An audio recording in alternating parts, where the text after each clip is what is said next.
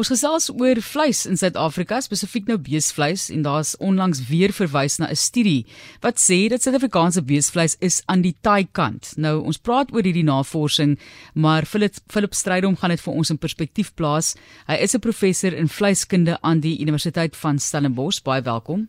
Baie dankie Marlies. Ek neem aan ten spyte van die feit dat jy 'n professor is, jy hom seker self ook jou vleisie geniet. Ek geniet dit, maar ehm um, ek geniet dit in kleiner kwantiteite kwantiteit en ek hou van kwaliteit. Natuurlik. Ja, en ek ja. dink dit is eintlik waaroor dit gaan op die ou en jy koop dit wat jy kan bekostig sê ek altyd. Wat is die beste steak? Is ek nie die beste beefstuk of as jy nou wil sê besaas of so is dit wat jy kan bekostig vir my. Eintlik op die ou end, maar waar kom hierdie studie vandaan? Want dit is nie 'n nuwe studie nie, maar daar's onlangs weer daarna verwys. Ja, ek dink die uh die persoon het nie noodwendig geweet dit is 'n ouer studie wat 'n paar jaar terug gedoen is nie. Uh ons word baie keer ge, ge kontrakteer of kan jy maar sê deur die deur die bedryf. Uh, Daar's 'n sentrale fonds wat hierdie uh soort on, uh, hierdie soort ondersoeke uh dan borg. En hierdie studie is 'n klomp jaar terug gedoen en die rede daarvoor uh en 'n mens moet die konteks van wetenskap daarin bring is dat ons wou geweet het wat die stand van sake min of meer in die in uh op die rak is wat die verbruiker aan blootgestel is. So ons het na verskillende uh winkels tipe winkels toe gegaan, kleiner slaghuise, middelslag klashuise, uh, geslaghuise en dan jou jou uh uh weer die Pick n Pay en Checkers en en Woolworths en so aan. En ons het soos 'n verbruiker daar gaan koop. So uh en en met daai studie weet jy dan uh, toets jy dan die vleis in terme van sagtheid en kleur en verskillende dinge uh, soos wat die verbruiker uh, aan blootgestel sou wees en dan uh, dan dan weet ons wat die wat die stand van sake daar is en waaraan uh, navorsing of waaraan die bedryf moet aandag gee uh het sy is dit die lewendige dier? Het sy is die manier hoe hom grootmaak? Is dit die manier hoe hy geslag word? Is dit naslag veroudering en daai soort van dinge? Uh maar dan het jy 'n uh, 'n basispunt waarvan af jy kan werk en dan kan jy dan aandag gee en dit was die hele doel van die studie. Want die rede hoekom ek dit nou so interessant vind is kyk 'n mens soek weer eens ons weet ons praat nou van pryse en al daai dinge maar nou gaan soek jy dan 'n lekker sagte stukkie vleis. Ja En ons praat ook nou nie van besaas nie. Besaas ja, is is 'n kom ons haal hom uit. Okay, ja. so ons praat nou hier van 'n jy weet lendeskyf of 'n hoe dit ook al sê ramp en sirloin soos dit mense dit dalk nou beter sal ken. Ja. En dan goed, dan is dit verouder, maar dit is nog steeds nie regtig sag nie. Dit is 'n dit is mens soek daarna. Jy wil die beste stukkie vleis nou vir jouself in die hande kry as wat jy kan. En dan so nou en dan dan dan kry jy hom reg. Dan koop jy nou by 'n plek waar dit regtig heerlik is. En dan wonder ek net hoekom is dit so moeilik vir ons in Suid-Afrika om beesvleis te kry wat sag is. Ek voel altyd natuurlik daar's soveel dinge wat dit beïnvloed dat ek sal liewer 'n stukkie taai vleis eet waar die arme dier ook met respek behandel is en daar nie allerlei vreemde goed gevoer word ja. en al die tipe van dinge. So ek ja. ek praat regtig nou in op daai vlak 'n totale onkunde. Ja. So net as 'n verbruiker gaan soek jy vir daai stukkie vleis en jy kry elke nou en dan kry jy nou 'n lekker stukkie. Ja want jy soek ook die geur van daai ander snitte. Maar dis 'n probleem. Ek weet is dit 'n probleem? Ervaar jy dit is 'n is 'n probleem? Ek dink persoonlik, uh um, ervaar ek dit as 'n probleem. Daar is variasie in die mark. Daar is noodwendig variasie in die mark soos wat jy met enige biologiese produk amper kan kry, sal ek maar sê. Jy gaan variasie in wyn kry, jy gaan variasie in vrugte kry. En as onder 'n biologiese proses, dit is nie 'n vervaardigde proses produk soos wat Coca-Cola is of wat ook al wat jy weet hy gaan elke keer reg uitkom nie. En soos ek nou 'n resep, jy weet ja, ja. presies, ja, ja. Daar's 'n resep wat 'n mens kan volg uh, wat ons praat altyd van die hele waardeketting waar jy sekere stappe kan doen van die lewendige dier soos ek sê uh spanning, die hoe jy hom groot maak, wat uh, ons praat van spier na vleis, dit is in die abattoir proses wat 'n noodsaaklikheid is waarvan baie meeste mense nie hou nie. En dan wat daarna met hom gebeur op die op die rak. En oral langs daai pad kan daar ek sou nie sê iets meer fout gaan nie, maar nie noodwendig genoeg aandag deur die verskillende komponente gegee word nie.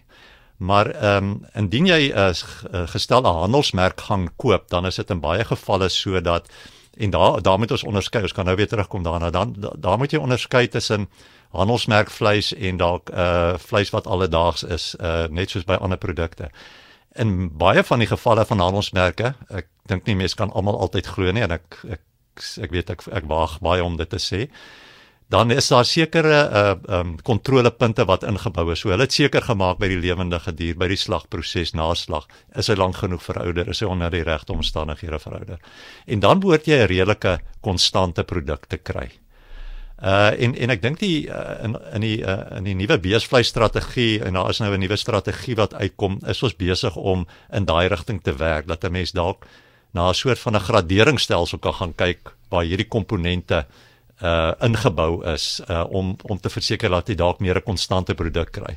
Al is die produk nie noodwendig goed en dan weer die uh dan weer die verbruiker hierdie is nou 'n ster 3 produk byvoorbeeld en hierdie is 'n ster 4 jy moet meer betaal vir hom 'n ster 5. Op die oomblik, ekskuus, is die goed redelik uh varierend en dit is dis dis dis baie keer 'n uitdaging. Ek wil net gou hier byvoeg. Daar's nou mense wat sal sê man, daar's mense jy, wie, wie kan nog dit bekostig? Wie kan nog 'n lekker stuk sappige biefstuk enigstens bekostig. So ek wil net erkenning gee aan die feit dat ek weet ons raak nou puntenierig hierso. Ja. Jy weet daar's mense wat regtig sukkel om kop bo water te hou. So hierdie is 'n puntenierige uh, stelsel wat ons nou van praat eintlik hier, maar vir die wat regtig daardie kwaliteit soek, ja. dit is waar ons vandag self. So wat is die oplossings vir jou professor?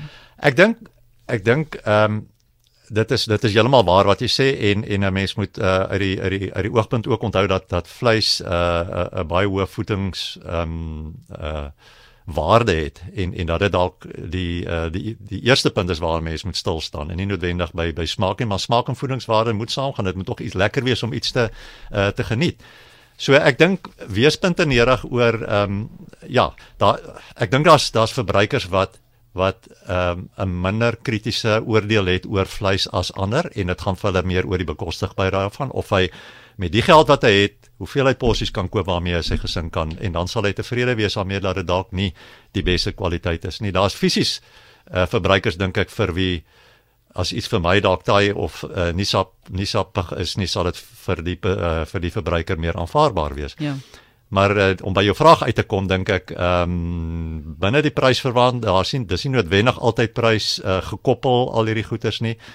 Ek dink ons is in 'n proses om ons bedryf ook op te lei om te sê daar's baie keer ingrype langs die pad wat nie noodwendig duur is nie wat 'n mens 'n uh, beter produk daar daar kan uitbring en dat ons vleis van 'n kommoditeit na 'n kwaliteitsproduk toe kry. Maar om vir die verbruiker daar te gaan sê waarna kyk jy, dis baie is baie moeilik. 'n Rooi appel is nie altyd soet nie, net soos vleis wat baie keer baie lekker lyk, is nie noodwendig sag nie want jy weet nie hoe lank hy uh verouder is byvoorbeeld of hy deur die regte proses is nie. Veroudering uiteindelik is maar die die grootste kriteria vir goeie kwaliteit as al die ander goeders onbekend is. So as daar 'n 'n 'n 'n uh uh in die Engelse claim is dat daar dat die vleis 'n sekere tyd verouder is, dan het jy 'n redelike ja, aanduiding. Aanduiding dat dit daarom is, nie noodwendig altyd 'n waarborg nie. So hoe vergelyk ons vleis dan nou internasionaal? daar bevind daaiheid. En ons praat hier nou hier van daai vleis wat amper die vleis is nie, dis omtrent net vet met al daai ja. pragtige marbling ja, tussen. Ja, ja, ja. Dis so erg. Ek weet nie hoe mense dit eet nie, maar ja, ja lekker dis, inderdaad, maar Dis ja, weer eens shoe. eie voorkeur daai. Ons praat nou nie daarvan nie. Dis nie noodwendig baie jou voorkeur. Ons hoef Wago in te sluit in hierdie gesprek. Dis reg, dis reg. Laat ek so vir jou sê, ek ek het uh, geleentheid gehad om in Europa ehm um, te bly vir 'n ruk en en hulle vleis is nie is nie vir my hulle hulle het ouer diere en en hulle vleis is nie is nie dieselfde ehm um, kwaliteit as ons nie. Ja. Vergelyk jy dit byvoorbeeld met Australië, dink ek is hulle hulle het goeie kwaliteit vleis. Amerika het weer fokus baie op vetter vleis, meer marmering en dit is maar net hulle verbruiker se voorkeur. So ek dink ons het ons het baie jong diere wat ons slag dit is en en daardie konsep kan 'n mens regtig verkoop.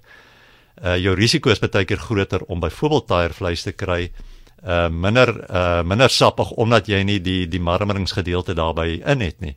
Want marmering is gelyk aan sappigheid, maar daar moet 'n mooi balans daar tussen wees. Uh dit is hoekom jy in ons proses baie meer aandag moet gee aan wat langs die pad uh gebeur met hom. En daar's natuurlik verskeie soort vleise ook dit wat van 'n voerkraal afkom en dit wat van 'n van die van die veld afkom. Daar's weer smaakverskille omdat daar smaakkomponente is en daar's sekere voorkeure by verbruikers. Is net soos die Karoo lam ding. Party verkies dit, ander verkies dit nie. Ja. Maar dis 'n moeilike uh, is bietjie moeilike ene. Dit is want ek, ek, die een van die redes ook hoekom ek hierdie gesprek wou gehad het is as jy en ek het nou vir jou voor die tyd genoem professor die die konsep van 'n lekker brisket en ek ja. gebruik nou maar die Engels wat mense weet ja, ja, altyd. Ja, ja, hulle ken snit. So in in Suid-Afrika is dit 'n is dit baie goeie kwaliteit vleis. Jy weet en is dit maar dis 'n soliede stuk vleis. Ehm ja. um, in Amerika kry jy meer van daai ehm um, marmering soos wat jy byvoorbeeld ja. gesê het Philip. Kyk hulle moet hulle moet die dier in Amerika om daai marmering skus die marmering uh, in die in die in die spiere in te kry moet hulle die dier swaarder voer hulle hulle karkasse is aansienlik swaarder as ons en ons sommer 200 kg swaarder So hulle moet hom baie swaarder voer om 'n langer tydperk voer om daardie marmering, die vet binne in die vleis te kry. En noodwendig gaan sit hy nie net in die lendestuk nie. Hy skuif ook na die na die borsstuk toe of ja. na die brisket toe. Yes. En by ons het ons ons vleis is oor die algemeen baie maar dit het 'n goeie gesondheidskomponent as 'n mens daarvoor wil gaan. Uh, maar dit het ook sy risiko's. So jy sal dan 'n brisket kry wat wat ja. wat meer aanvaarbaar wat is. Wat lekker gaan wees, maar 'n ja. bietjie droër is dit wat jy daar sien met die Amerikaanse ja, uh, maar hy daarom tog sy vetlaagie daar ja. en, en en dit gee vir hom daarom goeie smaak. Jy hom net in insny, jy hom saam sny. Dis korrek. Professor, baie baie dankie. Iemand sê hierso vleis sonder vet is taai en is die vet smaak wat uh, wat die smaak gee sê Lorika Kokemoer van Pretoria en tog is BSA's eintlik het nie so baie vet Nee, nee, glad nie. So baie maar ja, ek maar ek stem saam met wat Laura hier sê en dan sê Jean van Caledon ook ek ondervind dit hang af waar jy beesvleis koop want by sekere winkels is die vleis baie taai, vernaam as dit op special is, maar indien jy by 'n klein handelaar koop wat hulle eie beeste aanhou, dan is die vleis aan die sagte kant. Ja, dan dink jy ook by jouself, jy koop nou 'n taier stuk, moet hom baie lank gaar maak, hoeveel elektrisiteit gebruik jy daarvoor of ja, hout brand jy ja, uit ja, ja. om my potjie in die gang te hou of jy koop iets wat bietjie duurder is en 'n korter gaarmaakproses. Dit was baie interessant. Baie dankie baie professor. Dankie. Meer perspektief nou vir ons oor die stand van die tuigheid van Suid-Afrikaanse beesvleis. Vleis is nou nie 'n mooi woord nie, net tuigheid. Ja, en dit is, is uh, ja, tog tog korrek. Ja.